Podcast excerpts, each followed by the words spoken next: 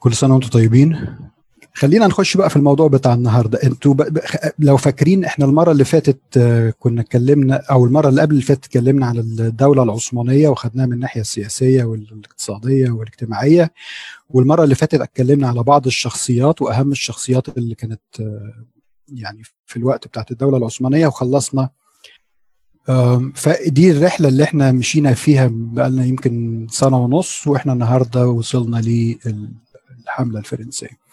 فكنا قلنا إن المرة اللي فاتت اتكلمنا على أهم الشخصيات خدنا شخصية اللي هو المعلم رزق وكان في شخصية تانية ما رضيناش إن إحنا نبتدي فيها خوفا إن إحنا ما نديهاش حقها لأن الشخصية الحقيقة من أعظم أنا مش عايز أقول أعظم ولكن من أعظم الشخصيات مش مش الكنسية يعني ال ال الاراخنه اللي مروا على تاريخ الكنيسة اللي هو شخصية المعلم إبراهيم الجوهري.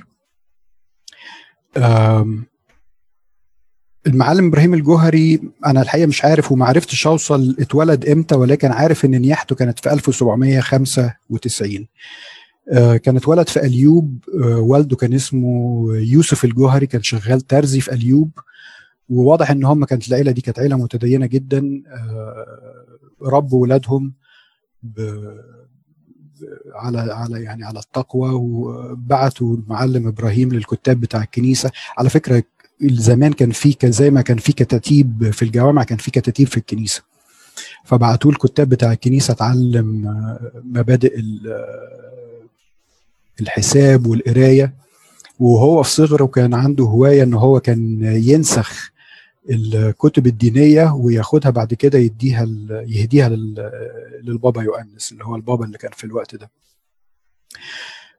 بعد ما كبر شوية أه، وعلشان معرفته مع الأنبا يؤنس فكان أه، فخدوا الأنبا يؤنس علشان كان عايز يشغله فراح اتوسط عند المعلم رزق إن هو يشوف له شغلانة معاهم في الحكومة. لأن المعلم رزق في الوقت ده لو فاكرين كان رئيس وزراء كان رئيس وزراء مصر. ففعلا المعلم رزق اتوسط له وراح خده شغله عند أحد الأمراء و... ونبغ جدا وهو شغال في ال... في الوظيفة دي لغاية أما جه آه... آه... اللي هو محمد بيه أبو الدهب اللي هو كان شيخ البلد أو كبير كبير المماليك جت ولا ف أما جت ولا نحى المعلم رزق لأن المعلم رزق كان آه، موالي جدا لعلي بيه الكبير اللي هو كان آه، مش عايز أقول عدو لمحمد أبو الدهب ولكن محمد أبو الدهب هو اللي قتل علي بيه الكبير فالمهم فنحى الراجل بتاعه اللي هو المعلم رزق واخد بداله المعلم إبراهيم الجوهري وشغله رئيس ديوان رئيس ديوان المالية زي ما تقولوا كده رئيس وزراء في الوقت ده. وبعد كده رقاه بقى رئيس كتاب القطر المصري اللي هو برضو بما يوازي دلوقتي رئيس للوزراء كان عنده ولد وبنت ولد اسمه يوسف وبنت اسمها دميانة. ربنا سمح ويوسف كان بيتحضر خلاص. المعلم رزق المعلم إبراهيم كان آه، حضر له البيت ووضبه له ومش عارف إيه إن هو علشان يتجوز. آه، ربنا سمح إنه يتنيح. كانت صدمة كبيرة جدا للمعلم إبراهيم. وكان آه، غالبا دي سبب أو نقطة تحول كبيرة في حياته إن هو كمية الحزن اللي كانت فيه. الراجل ده كان حز... يعني يعني بيقول لك من كتر حزنه سمر باب البيت وكسر سلالم البيت علشان لا هو عايز ينزل ولا عايز حد يطلع له. فكان عنده كمية حزن رهيبة ولكن ربنا سمح إن كميه الحزن الرهيبة دي تحولت لعطف شديد على اليتامى والأرامل ويمكن هو ده يعني يمكن النقطة دي هي اللي عملت آه، شخصية المعلم إبراهيم الجوهري اللي هو كان آه، قد إيه كده محب للغلابة. آه، في الوقت اللي هو كان فيه رئيس للوزراء حصل ان أنا عايز عايز قبل ما نكمل في الحتة دي عايز بس نرجع نفتكر حاجة لأن الحاجة اللي إحنا هنفتكرها دي هتساعدنا في الموضوع اللي هنتكلم فيه سواء في المعلم إبراهيم أو اللي إحنا هنتكلم فيه بعد كده في الحملة الفرنسية. أنتوا لو فاكرين المرة اللي فاتت كنا قلنا إن كان في الراجل اللي هو اسمه علي بيه الكبير علي بيه الكبير ده اللي هو كان أبوه أبوه إيه؟ فاكرين؟ كان قسيس أرثوذكس روسي.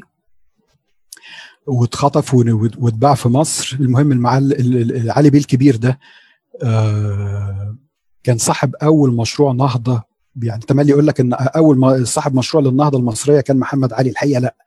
يعني علي بيه الكبير كان هو بيعتبر أول واحد كان عنده هذا الحلم إن هو يحقق المشروع النهضة ده. ف المعلم المعلم إبراهيم أنا آسف علي بيه الكبير اختلف مع محمد بيه أبو الدهب اللي هو كان زي ما تقولوا كده دراعه اليمين ومحمد بيه أبو الدهب قتله. آه، محمد بيه أبو الدهب كان عنده اتنين من المساعدين بتوعه اللي هو مراد بيه وإبراهيم بيه.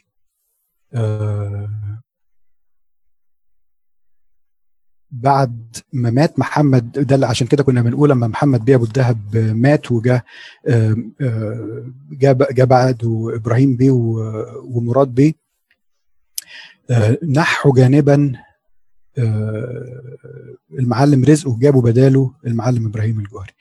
نظام الحكم في مصر كان في الوقت ده كان عبارة عن تركيا بيبعتوا آه، والي تركي وتحت الوالي التركي كان في شيخ البلد اللي هو كان رئيس أو كبير المماليك. و... ومعاهم كان بيبقى في مجموعة من الشيوخ أو الكبار في السن بيشتركوا في الحكم ف في الوقت ده كان ما كانش فيه والي تركي كان علي بيه الكبير كان طرده وما سمحش إن هو يرجع تاني وبعد حتى ما مات علي بيه الكبير ما جابوش والي تركي تاني فاللي كان متولي الحكم في الوقت ده مين؟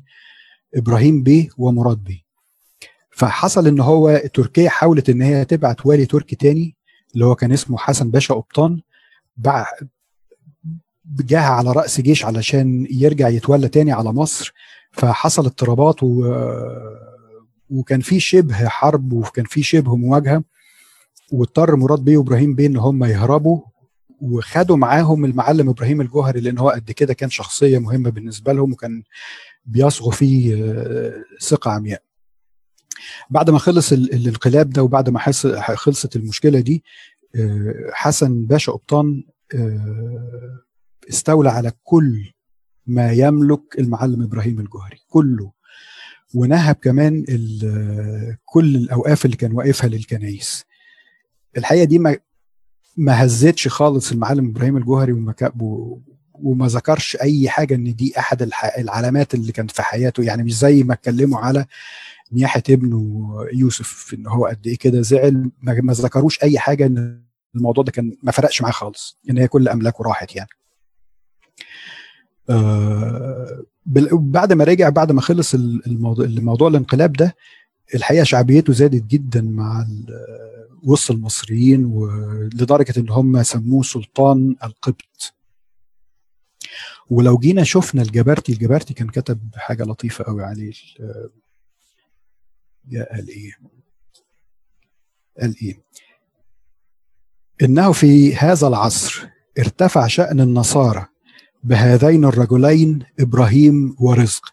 يعني كل الطائفة ارتفعت بشانها ارتفع بسبب الشخصيتين دول اللي هو المعلم إبراهيم والمعلم رزق. ال ال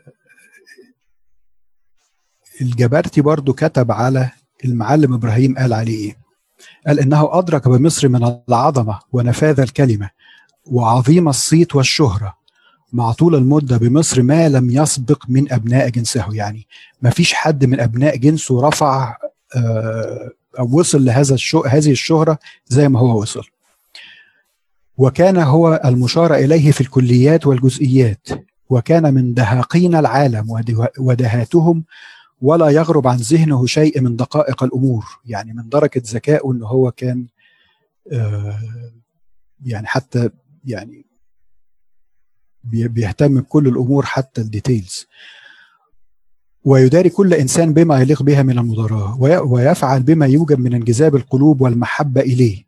وعند دخول شهر رمضان بصوا دي بقى كان يرسل إلى غالب أرباب المظاهر ومن دونهم الشموع والهدايا. وعمرت في أيامه الكنائس والأديرة وأوقف عليها الأوقاف الجليلة والأطيان. ورتب لها المرتبات العظيمة والأرزاق الدائر والغلال إلى آخره. يعني واضح إنه هو حتى مش بس تاريخ الكنيسة هو اللي بيذكر بالخير المعلم إبراهيم الجوهري ولكن حتى الجبارتي كتب عنه بطريقة كويسة قوي. له مواقف كتيرة وله حوادث كتيرة طبعا حن يعني ناخد منهم حادثتين ثلاثة كده عشان ما نطولش عليكم ونخش على الموضوع الكبير أو الأساسي بتاعنا كان هو له أخ اسمه المعلم جرجس الجوهري. المعلم جرجس الجوهري ده كان ساكن في مكان وفي تاجر آه، جاره. التاجر ده كان على طول قاعد في الشارع يعني قدام دكانه. فالتاجر ده كان في الطلعة والدخلة يشتم المعلم آه، جرجس ويهين وي يعني ما كانش راجل مهذب قوي فالمعلم إبراهيم راح ل... المعلم جرجس ارزي راح المعلم إبراهيم فبيحكي له يعني على الموضوع ده وبيقول له الراجل ده وبيعمل وبيسوي ومش عارف إيه. قال له مالكش دعوة أنا هقطع لك لسانه. ما ما ما خدش في, في باله قوي يعني. يوم والتاني وبرضه المعلم جرجس ماشي في الشارع وقابل الراجل ده ومتوقع برضه إن هو هيقابله بمسيرة من من الإهانات. لا الراجل وقف له سلم عليه. ويحييه ويساعد يعني يعرض ان هو يساعده. فما فهمش فراح للمعلم آه، إبراهيم. قال له أنت عملت إيه؟ قال له ولا حاجة. قطعت لك لسانه. قال له أي يعني عملت إيه يعني؟ قال له ولا حاجة. بعت له آه، شوية هدايا آه، سمنة وجبنة ودقيق ورز ومش عارف إيه. ف قال له ده وده عمل إيه؟ قال بالظبط زي ما بولس الرسول قال في روميا. إن جاع عدوك فاطعمه وان عطش فاسقه فإنك بذلك تضع جمر نار على رأسه. فهو قطع لسان آه، الراجل اللي ما كانش بيحب أخوه ده بالمحبة.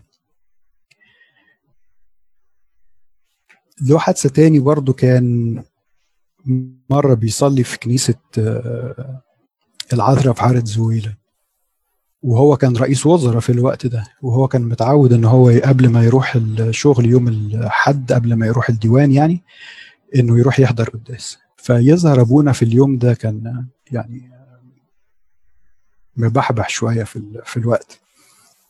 فبعت له شماس فالشماس قال له روح قول لأبونا بس يطول شوية أحسن هتأخر كده على الديوان. فأبونا اللي هو أبونا إبراهيم العصفوري ده سمع الكلمتين دول واتجنن. قال له روح قول له المعلم هنا فوق في السماء. مفيش معلم هنا في الكنيسة غير هو ربنا فوق. لو مش عاجبه يروح يبني له كنيسة تانية تطلع القداس بدري.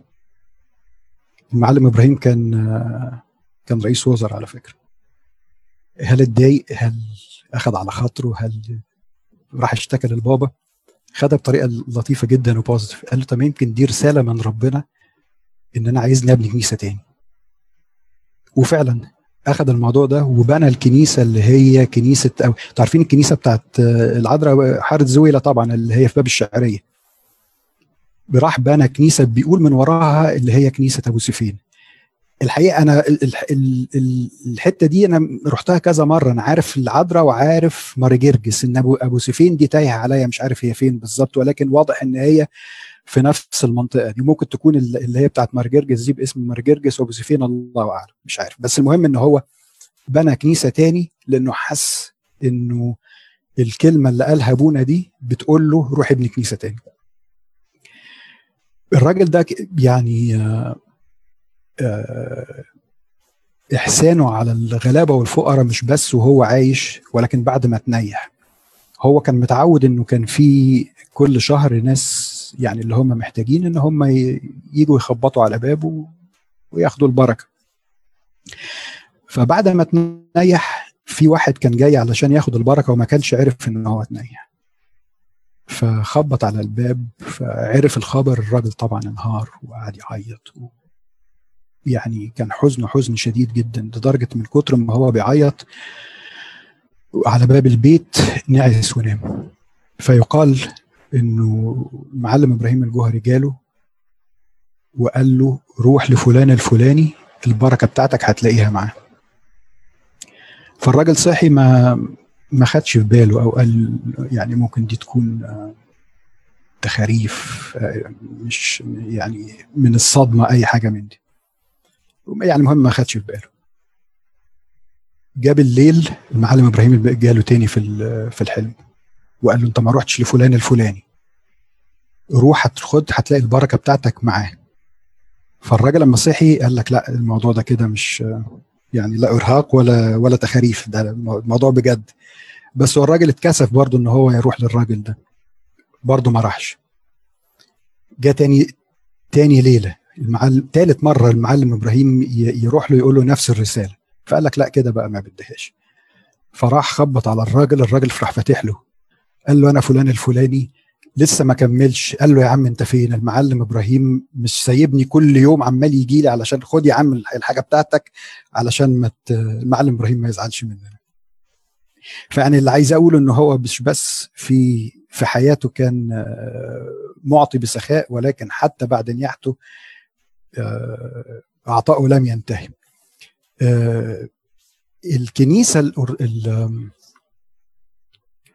المرقصية في كلود بي اللي أصدر ترخيص بنائها هو المعلم. يعني لو حد عايز يرجع يشوف ال ال الوثائق هيلاقي إن ترخيص الكنيسة طالع باسم المعلم إبراهيم الجهري ولكن هو ما ما ابتداش في بناها لأنه اتنيح قبل ما يبتدوا البنى فيها واللي كمل البنى بتاعها أخوه المعلم جرجس وواحد اسمه المعلم ملطي.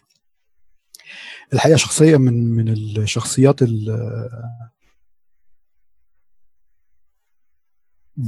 يعني نعتز بيها جدا. آه، هو هو يعني من الشخصيات اللي أنا بحبها جدا هو وأستاذ حبيب جرجس. تعالوا نخش بقى في الموضوع بتاعنا النهارده اللي هو الحملة الفرنسية. قبل ما نكمل في أي حاجة في, في أسئلة جات لكم في أي تعليقات نحب نقولها؟ أوكي. الحملة الفرنسية. في في تاريخين مهمين قوي آه، كنا تملي بحفظهم في المدرسة بالطريقة دي. الثورة الفرنسية والحملة الفرنسية. الثورة الفرنسية 1789 والحملة الفرنسية 1798 فكانت ليها طريقة لطيفة إن أنا أحفظها. فرق بينهم تسع سنين. الحملة الفرنسية الأهم من يعني في سؤالين آه، في سؤالين. ماذا ولماذا؟ ماذا مش مهم قوي ماذا اللي هو اللي التاريخ بيسردها ان حصل ماذا حدث؟ اللي هو حصل كذا وحصل كذا وحصل كذا وحصل كذا. إنما لماذا هو الأهم؟ حصل ليه هو ده اللي بيح... يعني نحتاج إن إحنا نشوف وندقق في الأمور ونفهم ونستوعب ونشوف ونحلل الحملة الفرنسية كان أسبابها إيه. أما نيجي نشوف الكتب هتلاقي إن أسباب الحملة الفرنسية كتيرة جدا جدا جدا. ولكن إحنا هنتكلم في يعني هناخد بعض ال ال ال الأسباب اللي هي ممكن تكون مهمة لينا وبعد كده يعني تبقى تشرح لنا شوية كلام هنقوله بعد كده. من من أهم أهم الأسباب اللي قامت بيها الحملة الفرنسية لاحتلال مصر وناس بتسأل يعني هو إشمعنى مصر؟ يعني ليه مش الشام؟ ليه مش ليبيا؟ ليه, مش المغرب؟ إشمعنى مصر؟ من أهم الأسباب إن هم كانوا عايزين يقطعوا طريق طريق التجارة لإنجلترا ما بين أهم مستعمراتها اللي هي في الهند لأوروبا. فمصر كانت من محطة رئيسية في تاريخ في في في طريق التجارة دي. وهو على طول كان في حالة تصادم وتنافس ما بين الإنجليز والفرنساويين في الوقت ده. آه، وحتى فرنسا كان قبل الموضوع ده بعد الثورة على طول كانوا عندهم مشروع إن هم يحتلوا بريطانيا ولكن ما عرفوش. آه، ودي يمكن أحد الأسباب اللي خلتهم إن هم يكونوا عايزين يعكننوا على الإنجليز أكتر فشجعتهم إن هم يعملوا الحملة الفرنسية على مصر علشان يضايقوهم في تاريخ التجارة في, في طريق التجارة دي. السبب الآخر إنه مصر في الوقت ده كانت من أغنى دول الدولة العثمانية. آه، فإن هم ما يحتلوا مصر هيقدروا إن هم يستولوا على كل خيراتها وعلى كل آه، فلوسها. آه، مش عارف أنتوا هتفتكروا برضو. ساعة ما كنا بنتكلم في الأول خالص أول محاضرة خالص على الغزو. فاكرين كنا قلنا إنه البلد دي من قديم الأزل وهي عمالة تتنهب من إمبراطوريات مختلفة وحضارات مختلفة و... ومع ذلك الم... يعني لا زالت برضه بتنتج. السبب الآخر إن هم كانوا عايزين يفتحوا أسواق لمنتجاتهم عشان يوسعوا التجارة بتاعتهم ويبيعوا منتجاتهم أكتر فإن هم ياخدوا مصر يستولوا على خيراتها ويبيعوا فيها منتجاتها منتجاتهم. في الوقت ده برضو كان المماليك اللي هم كانوا مسيطرين على حكم مصر كانوا آه، دائمي التحرش بالتجار الفرنساويين. فكان دي برضو أحد ولو إن ده كان سبب مش حقيقي ولكن هم كانوا بيقدموا للمجتمع. إحنا جايين علشان نحمي آه، التجار بتوعنا اللي موجودين عندكم. ولكن السبب اللي هو كان رئيسي جدا وكان آه، آه، واضح جدا وظاهر جدا اللي هو إن هم يقطعوا طريق التجارة على الإنجليز.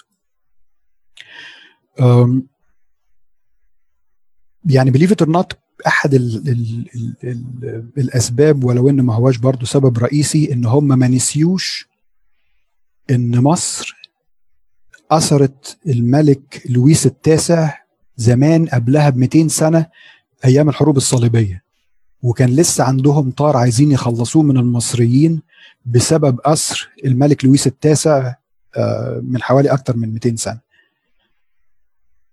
آه، وأحد الأسباب برضو وده سبب الحقيقة يخلينا نحترم الجماعة الفرنساويين دول إنه كانوا جايين يتعلموا ما كانوش جايين بس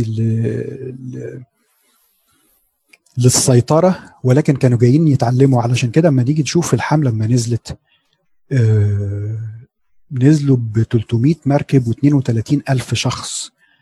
ال 32 ألف شخص دول ما كانوش بس جنود كان فيهم عدد مش قليل ما بين علماء رسامين آه، مكتشفين. الراجل ده جابه وهو جاي على فكرة جاب معاه مطبعة. ما نزل مصر جاب معاه مطبعة. فتحس إن هو برضو الحملة بتاعته كان فيها نوع من ال من ال من هو عايز ينقل الحضارة المصرية عايز ينقلها ويتعلمها ويستفيد بيها. وزي ما أنتم عارفين يعني ال ال ال اللي كشف لنا اللغة الهيروغليفية كان راجل فرنساوي اللي هو شامبليون. ف وده كانت أحد نتائج على فكرة أعتقد الحملة الفرنسية.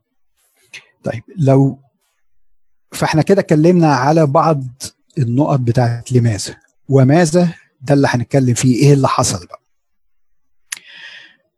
قبل ما نقول إيه اللي حصل تعالوا نشوف ناخد يعني آه، بسرعة كده إيه وضع مصر كان في الوقت ده كان إيه. قلنا إن اللي كان بيحكم مصر في الوقت ده بعد ما مات محمد أبو الدهب كان في اتنين. إبراهيم بيه ومراد بيه. إبراهيم بيه ده كان راجل قليل قوي في جسمه وقصير ولكن كان داهية. آه، مراد بيه كان راجل ضخم وعريض وطويل وبتاع وأرعن. يعني آه، كان آه، تملي يشار له بال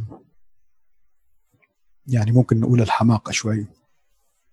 وتملي بندقيته ومسدسه وسيفه كان أسرع من دماغه. ال... ال... الاثنين دول كانوا عاملين حالة ظلم شديدة جدا ما بين المصريين وكان آه، كل شوية عمالين يزودوا الضرائب آه، وكان ظلمهم بس ما كانش على المصريين ولكن كان على الرعايا الأجانب اللي موجودين في مصر. والرعايا الأجانب دول سواء كانوا آه، فرنساويين ايطاليين سوريين فكان على طول بي في نوع من الاضطرابات وفي نوع من الظلم على ال ال الناس اللي عايشين في مصر. قبل ما يوصل الفرنساويين الفرنساويين نزلوا على في اسكندرية تحديدا في شاطئ أبو قير في 1 يوليو 1 7 8 سوري 1 7 9 8 قبل ما يوصلوا بوقت مش طويل وصل بعض من قطع الاسطول الإنجليزي وراحوا كان عمدة الإسكندرية في الوقت ده كان محمد كريم وهم كانوا عرفوا إن الفرنساويين جايين عاملين حملة على مصر فجم يحذروا المصريين فحذروا محمد كريم ومحمد كريم راح. لمراد بيه علشان يحذره وقال له إن الفرنساويين في عرض البحر ومفروض يعني متوقع إن هم يرسوا ويبتدوا ينزلوا بالحملة بتاعتهم في خلال أسابيع. آه مراد بيه بنفس الحماقة بتاعته ما خدش الموضوع بجد وقال له دعهم ياتون وسنسحقهم بأحذيتنا. لأن هو كان نفس التخيل بتاعه اللي هو كان أيام الحروب الصليبية زي ما أثروا لويس. طيب خليهم يجوا واللي حصل في لويس هنحس حي... هنعمله فيهم. آه مع وصول أو مع وصول أخبار إنه الفرنساويين داخلين على مصر وكالعادة دائما المصريين المسلمين أما عرفوا إن الفرنساويين المسيحيين جايين عملوا إيه؟ التاريخ ما بيتغيرش. ابتدوا يطاردوا المسيحيين يضايقوهم يقفلوا لهم بيوتهم يقتحموا بيوتهم. ومش المصريين بس على فكرة يعني مش المسيحيين المصريين بس المسيحيين سواء مصريين أو أجانب. ابتدوا يطردوهم وابتدوا يضايقوهم لدرجة إنه الرعايا دول راحوا احتموا في بيوت والديار بتاعت إبراهيم بيه ومراد بيه والحقيقة هو يعني هو حمى حمى الناس دول. إلى درجة إن هو قنصل فرنسا قنصل فرنسا خدوه حبسوه في سجن القلعة آه انتقاما للحاجة اللي هي لسه هتحصل. آه وما ما تمش الإفراج عنه غير بعد وصول بعد وصول الفرنسيس. الفرنسيس دي على رأي جبرتي كان تملي يساوي الفرنساويين الفرنسيس. آه ونهبوا طبعا كل البيوت بتاعت المسيحيين اللي هم آه اعتدوا عليهم دول. تملي بفكر في السؤال ده. الفرنساويين جم قعدوا في مصر ثلاث سنين من 1798 ل 1801 وبعدها بحوالي 80 81 سنة الإنجليز جم. بس قعدوا أكتر من 72 سنة يعني من 1882 ل 1952 ولكن تملي نحس إن المجتمع المصري ملهم بالفرنساويين اللي قعدوا ثلاث سنين أكتر ما هو ملهم بالإنجليز اللي قعدوا فوق ال 72 سنة. والحقيقة أنا مش عارف ليه يعني أنا يعني ممكن نتوقع مثلا علشان الفرنساويين جم ونقلوا حضارة وساعدونا إن إحنا نتعلم حضارتنا. على فكرة نابليون من أحد الحاجات المهمة جدا اللي هو عملها اللي هو عمل المجمع العلمي. المجمع العلمي ده عارفينه اللي هو حرقوه في التحرير سنة 2011 في الثورة أو 2012 في الثورة. وده كان فيه نسخة أصلية من كتاب وصف مصر اللي إحنا هنتعرف عليه بعد كده. فالمهم نرجع لمرجوعنا أنا فعلا ما أعرفش ال ال حالة الانبهار من المجتمع المصري بالفرنساويين أكتر ليه بكتير من تشبعهم بالإنجليز. زي ما بنقول ممكن جدا علشان الفرنساويين يكون ليهم دور ثقافي وحضاري الإنجليز كانوا يعني جامدين جدا. المهم مع الحملة الفرنسية دي كان أول مرة دولة غير مسلمة تغزو مصر من بعد الحملة الصليبية. يعني الحملة الصليبية كان من 200 سنة قعد 200 سنة ما فيش أي حاجة خالص لغاية أما جت الحملة الفرنسية. أول مرة من ساعة الغزو يعني من بنتكلم حوالي 1400 1300 سنة من ساعة الغزو الإسلامي مش الفتح الغزو الإسلامي آه، تيجي دولة مسيحية تحكم مصر.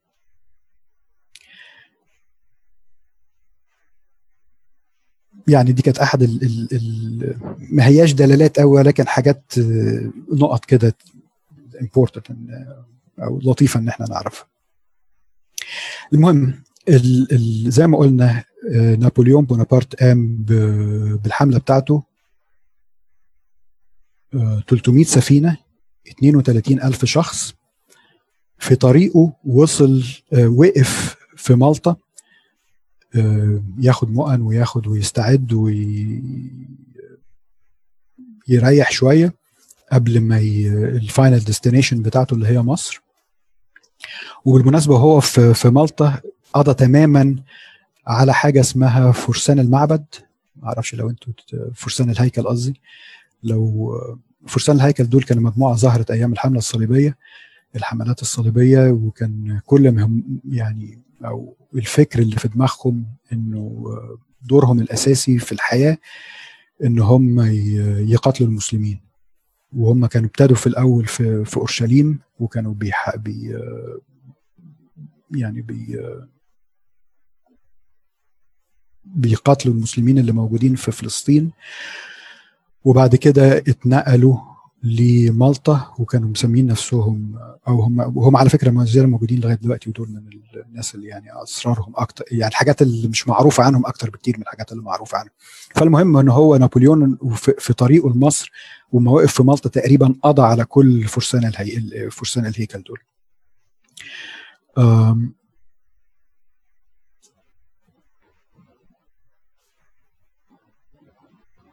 وصل اسكندرية في 1 يوليو زي ما قلنا. آه نزلوا وابتدوا يتجهوا جنوبا. احتلوا طبعا اسكندرية من غير أي حاجة خالص يعني ما ما حدش ما كانش حد فيه معركة.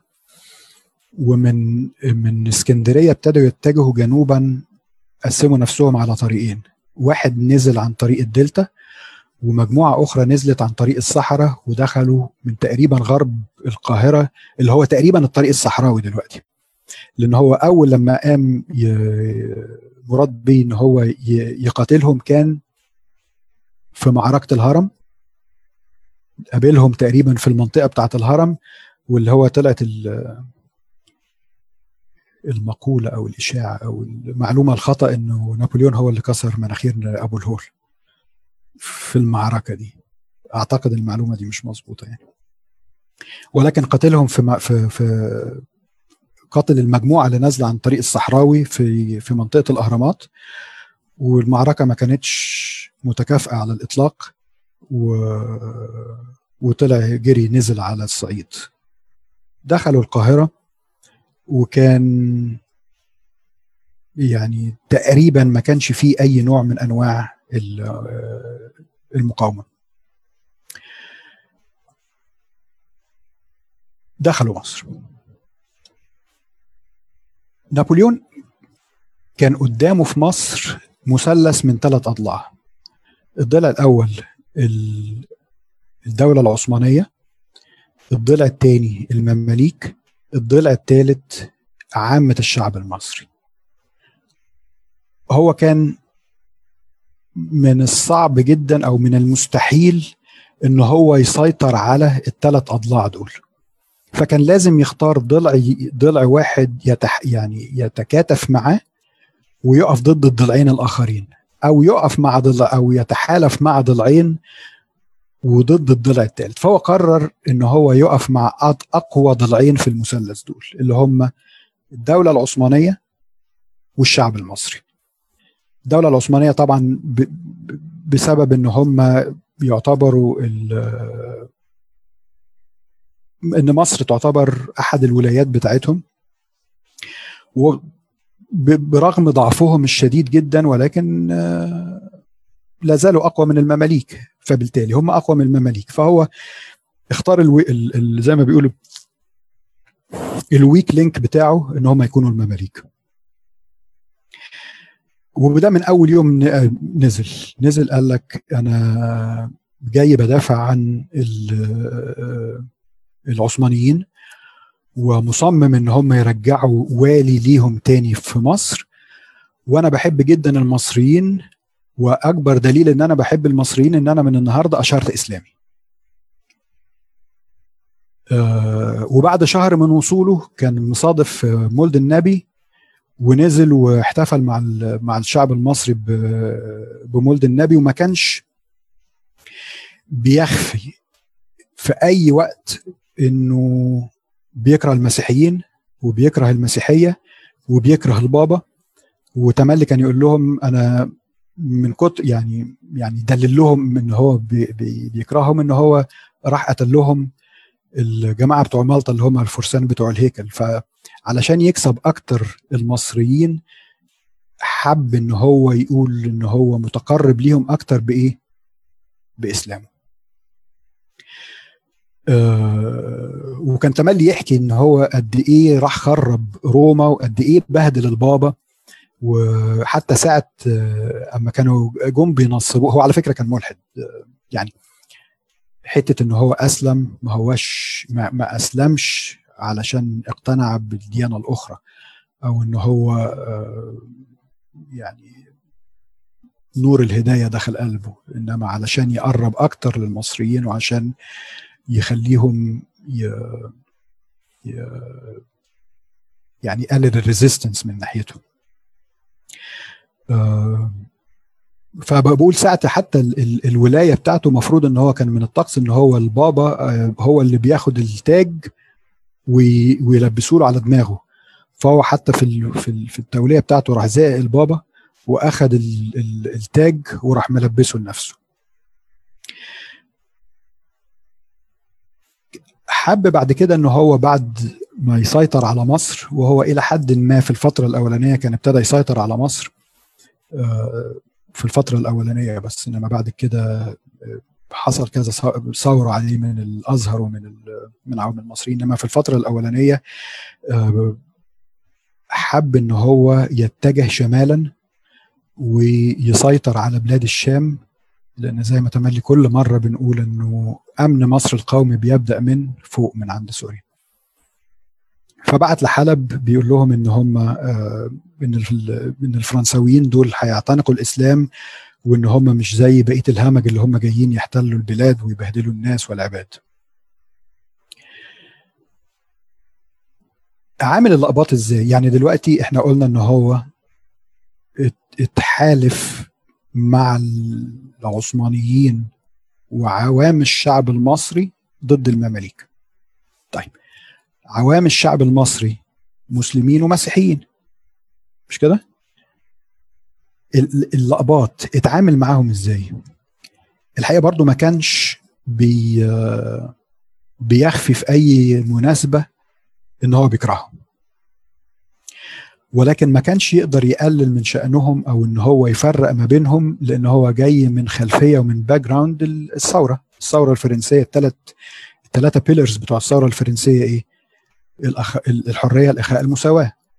فحتة المساواة دي لو هو فرق ما ينفعش. يعني وأنا مش بقول إن هو على فكرة كان بيعمل كده وهو مش مقتنع لا أعتقد إن هو ده كان اقتناعه. يعني هو ما كانش بيفرق مش عشان ما يقولوش عليه حاجة وحشة ولكن ده هو كان هو اقتناعه كان بهذا الشكل.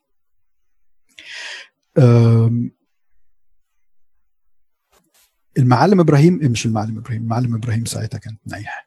ولكن المعلم جرجس الجوهري بعت له مرة برسالة بيشتكي له من إنه التفرقة اللي بتحصل على المصريين وان هو دي مش ضمن مبادئ الثورة الفرنسية اللي هو جاي بيها ومقتنع بيها. والحقيقة هو ما كانش ضد هذا الكلام. فالرسالة اللي هو بعتها له المعلم جرجس رد عليها في, في, في نفس السنة بعد كام شهر من دخوله مصر وقال له إيه؟ قال له استلمت الكتاب الذي ارسلته أرسلته الأمة القبطية وان إنه من دواعي سروري. حماية هذه الأمة التي لن تكون من الآن فصاعدا موضع الاحتقار. وعندما تتيح لي الظروف الشيء الذي لا أراه بعيدا قد أسمح لها أن تقيم شعائرها الدينية علانية كما هو الحال في أوروبا حيث يمارس كل إنسان عقيدته. وسأعاقب بشدة القرى التي قتل فيها الأقباط أثناء الثورات التي نشبت وأنك تستطيع من الآن أن تخبر أبناء طائفتك بأني أسمح لهم بأن يحملوا السلاح ويركبوا البغال والخيول ويضعوا العمامات على رؤوسهم ويتزينوا بما يشاءون. يمكن دي الحاجة الوحيدة على فكرة اللي عملها نابليون عدل على فكرة في يعني للأقباط. إنه من هذه اللحظة آه، كان عايز يعمل المساواة يعني اللي هو الدستور يعني كل البشر متساويين في الحقوق ومفروض إن هم يكونوا متساويين في في الواجبات وهو ده اللي كان عايز يعمله الحقيقة. وهو ده اللي قاله للمعلم جرجس قال له من النهارده المسيحيين من حقهم إن هم يمارسوا العقائد بتاعتكم بتاعتهم الطقوس علانية زي ما كان بيحصل في أوروبا. ومش هيسمح تاني إنه في الثورات تحصل آه، المذابح اللي كانت بتحصل بتحصل قبل كده.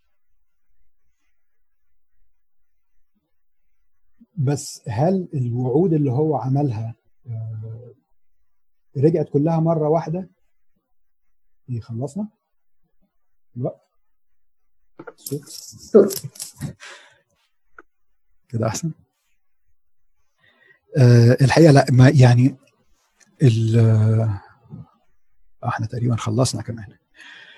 ال ال ال الحقوق اللي هو وعد إن هو يديها للأقباط ما يعني ما رجعها لهمش. مره واحدة آه، ولكن على على بعض المراحل آه، ولكن الحقيقة هو وفى بوعده إلى أن أتى عهد جديد.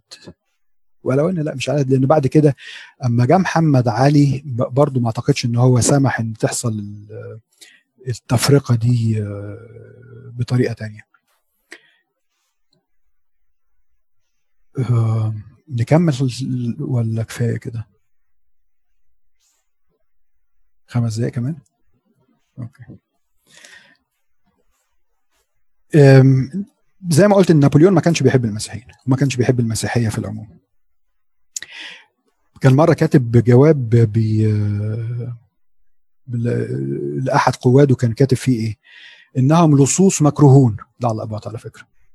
إنهم لصوص مكروهون في البلاد غير إنه يجب مراعاتهم لأنهم يعرفون الأصول العامة لإدارة البلاد دون سواهم. هو كان عارف كويس جدا إن ما حدش بيعرف يمشي المواقف أو اسمها إيه الطرق المادية والمالية لمصر غير اللقباط. فبيقول لهم إنه برغم إن هم لصوص ومكروهون مش عارف هو جاب لصوص دي منين يعني هم سرقوا مش عارف. ان هو كتب كده لصوص ومكروهون في البلاد غير إنهم يجب مراعاتهم لأنهم يعرفون أصول العالم. ف لما جه رئيس الوزراء بتاع مصر كان قبطي.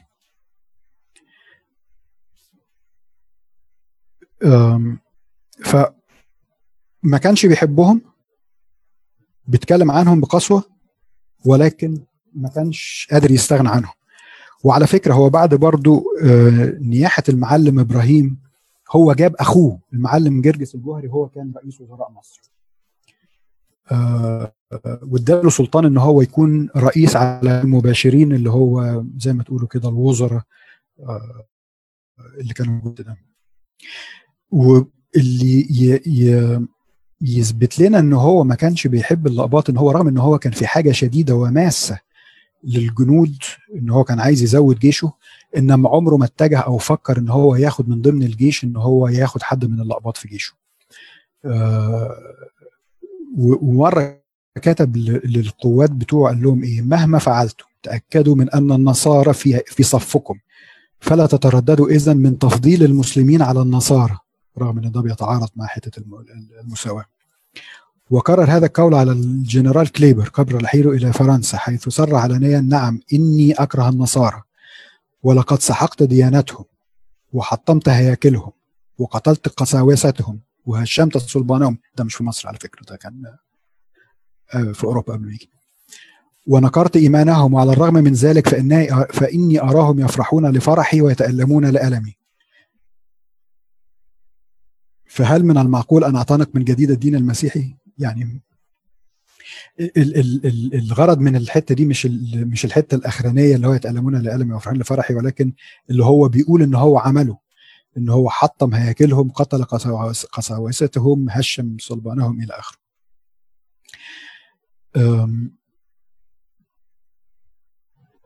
اللي حصل إن هو طيب قصة سريعة كده بسرعة. إنه عوام الشعب على فكرة في الوقت ده يعني سواء المسيحيين أو المسلمين ما كانوش ما كانوش في حالة نزاع. يعني الفترة دي الثلاث سنين دول شهدوا بعض الاستقرار ما بين المسلمين والمسيحيين. وكان في حادثة مشهورة قوي كبارتي كتبها ومكتوبة في أي حتة في حتت كتيرة قوي. إن كان في واحد اسمه الشيخ مصطفى الصاوي. كان الشيخ مصطفى الصاوي ده كان عمل إيه؟ بعد الثلاث سنين دول الإنجليز جم حطموا الأسطول الفرنسي اللي كان راسي في اسكندرية. ففي اتنين من المصريين جابوا الخبر ونزلوا على مصر على القاهرة يعني. بالصدفة كان في واحد منهم مسيحي وواحد مسلم. وجم بيبشروا الناس إنه الأسطول بتاع الفرنساويين اتحطم الإنجليز حطموه ودي تعتبر أو يعني بشرى إن هم هيطردوهم بره. آه، فالفرنساويين راحوا واخدين كان نابليون كان ماشي في الوقت ده كان آه، يا إما كليبر يا إما مينو مش يعني مش متأكد بالظبط. آه، على فكرة زي ما نابليون أسلم مينو برضو أسلم. مينو اللي هو جه بعد كليبر اللي هو كليبر قتلوا سليمان الحلبي وبعد كده سليمان الحلبي كليبر جه بعده مينو. مينو ده اللي كان اتجوز واحدة اسمها زبيدة وأسلم علشان يتجوزها. فالمهم الاثنين المصريين دول المسلم والمسيحي جم بيبشروا إن الأسطول بتاعهم آه، اتحطم. فمن كتر ما القائد ما أعرفش كان مين هو ولا كليبر آه، هو اللي موجود خدهم وحطهم في السجن. آه، ف وطلب فدية جامده كبيرة جدا علشان يطلعهم. فالشيخ مصطفى مصطفى الصاوي الحقيقة جمع الفدية دي وما رضيش إن هو يطلع بس المسلم. جمع الفدية دي وطلع حتى المسلم وهو قبل ما يخرج قال لهم أنا مش هخرج غير وهو الراجل المسيحي ده معايا. وفعلا دفع الفدية علشان يطلع ده مع ده في نفس في نفس الوقت. يعني الغرض من القصة دي إيه؟ إنه المصريين في الوقت ده كانوا في حالة سلام نسبي لأن كان عندهم عدو فوقهم أكبر. هما الاثنين بيحاولوا إن هم يحاربوا نقف عند النقطة دي علشان أنا اتعديت وقتي